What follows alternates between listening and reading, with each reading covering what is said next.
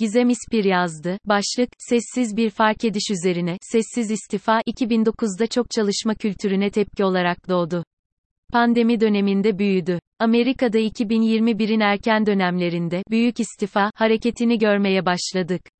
Çok mu iyimser bakıyorum bazen dünyaya bilmiyorum ama bugünlerde beni umutlandıran şeyler de olmuyor değil. Sürekli duymaya başladığımız, sessiz istifa gibi. Bu konudaki fikrimi baştan belli edebilmek üzere sonda söyleyeceğimi şimdi söylemek isterim. Sistemin negatif bir algı oluşturmak için tanımlamada kullandığı istifa kelimesine bakmayın siz. Bu durum bence kolektif bir vazgeçiş değil tam tersine bir fark ediş. Sanki ayrı ayrı zihinler telepatik olarak birbiriyle temas etmiş, müzakere etmiş ve sorgulanması gereken bazı durumlar üzerine düşünmeye başlamış. Hatta bebek adımı değil belki ama emeklemesi sayılabilecek, henüz bir bilinçlenme asla diyemeyeceğimiz bir kafa karışıklığı hali gibi. Ama emekleme dedim dikkatinizi çekerim, ilerleme henüz uzak. Özetinde tüm yaşam enerjisini işe adamayı reddetmek hareketin özü düzenden denge ve adalet beklemek, işin gereğini tam ve zamanında yerine getirip ancak yükselmek ya da sadece mevcut konumunda devam edebilmek için fazladan saat ve çaba göstermeyi reddetmek, iş dışındaki vakitlerde işle ilgili herhangi bir emek ortaya koymak istememek, bu zamanı sevdikleriyle ya da kendisine ait özel zamanlar olarak değerlendirmek istemektir. Hepimiz bir aileyiz değil hepimiz bordrolu çalışanlarız mottosuyla iş hayatında bulunmak ve sınırlara saygı istemek belki de. Dünyada ilk olarak Amerika'da tanımlandı. 2009'da Teksas'ta bir ekonomist katıldığı bir sempozyumda yok olmaya başlayan iş hırsını tanımlanırken kullanmıştır. 2021'de çalışma süreleri 16 saate ulaşan Çin'e vardığımızda, Tank Pink Evolution, kültürel hareketiyle yeniden gündem oldu. Bu çok çalışma kültürüne tepki olarak büyüdü.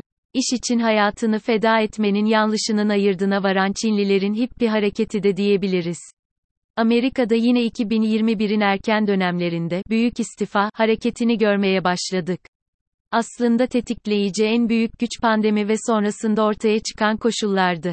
Pandemi nedeniyle yaşam kültürümüz ve önem sıralamamızın değişmesi, pandeminin ekonomik etkileri, maaşlardaki düşüş, buna rağmen artan iş yükü, sağlık konularındaki endişeler sonrasında özellikle 30 ila 40 yaş aralığındaki çalışanlar yoğun ölçüde işlerinden ayrılarak daha iyi koşullar talep ettikleri yeni işlere girdiler. Yine bu koşullarda mezun gençler de aynı beklentilerle iş hayatına girdiler.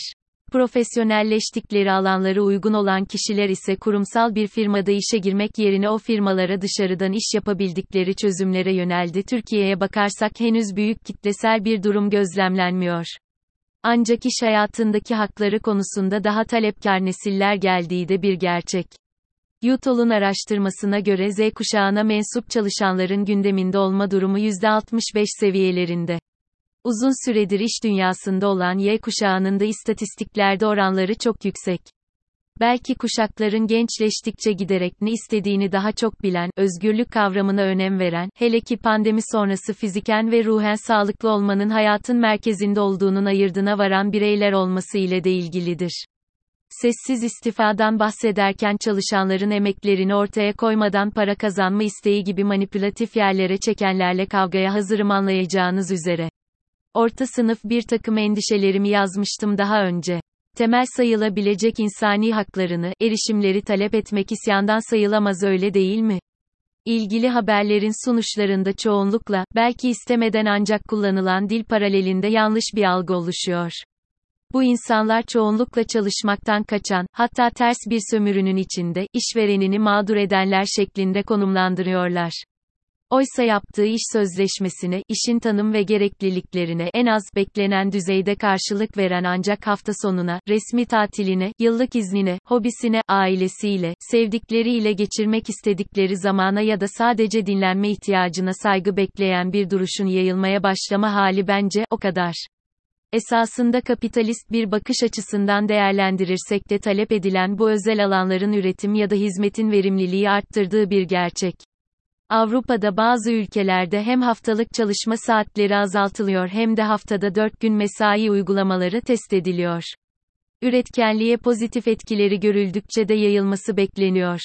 Nokta. Bu aşamaya gelmeden de pandemi döneminde mecburiyetten alınan tedbirlerle hayatımıza yerleşen uzaktan çalışma, yaz döneminde farklı şehirden çalışma gibi uygulamaların çalışan bağlılığı ve üretiminin kalitesini ve randımanını arttırdığını birçoğumuz gözlemlemiştir.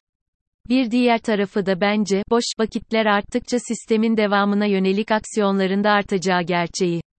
Daha çok alışveriş, daha çok tatil, daha çok dışarıda yemek vesaire daha çok harcama demek. Bu örneği pek tabi herkesin insani bir gelire sahip olduğunu varsayarak veriyorum.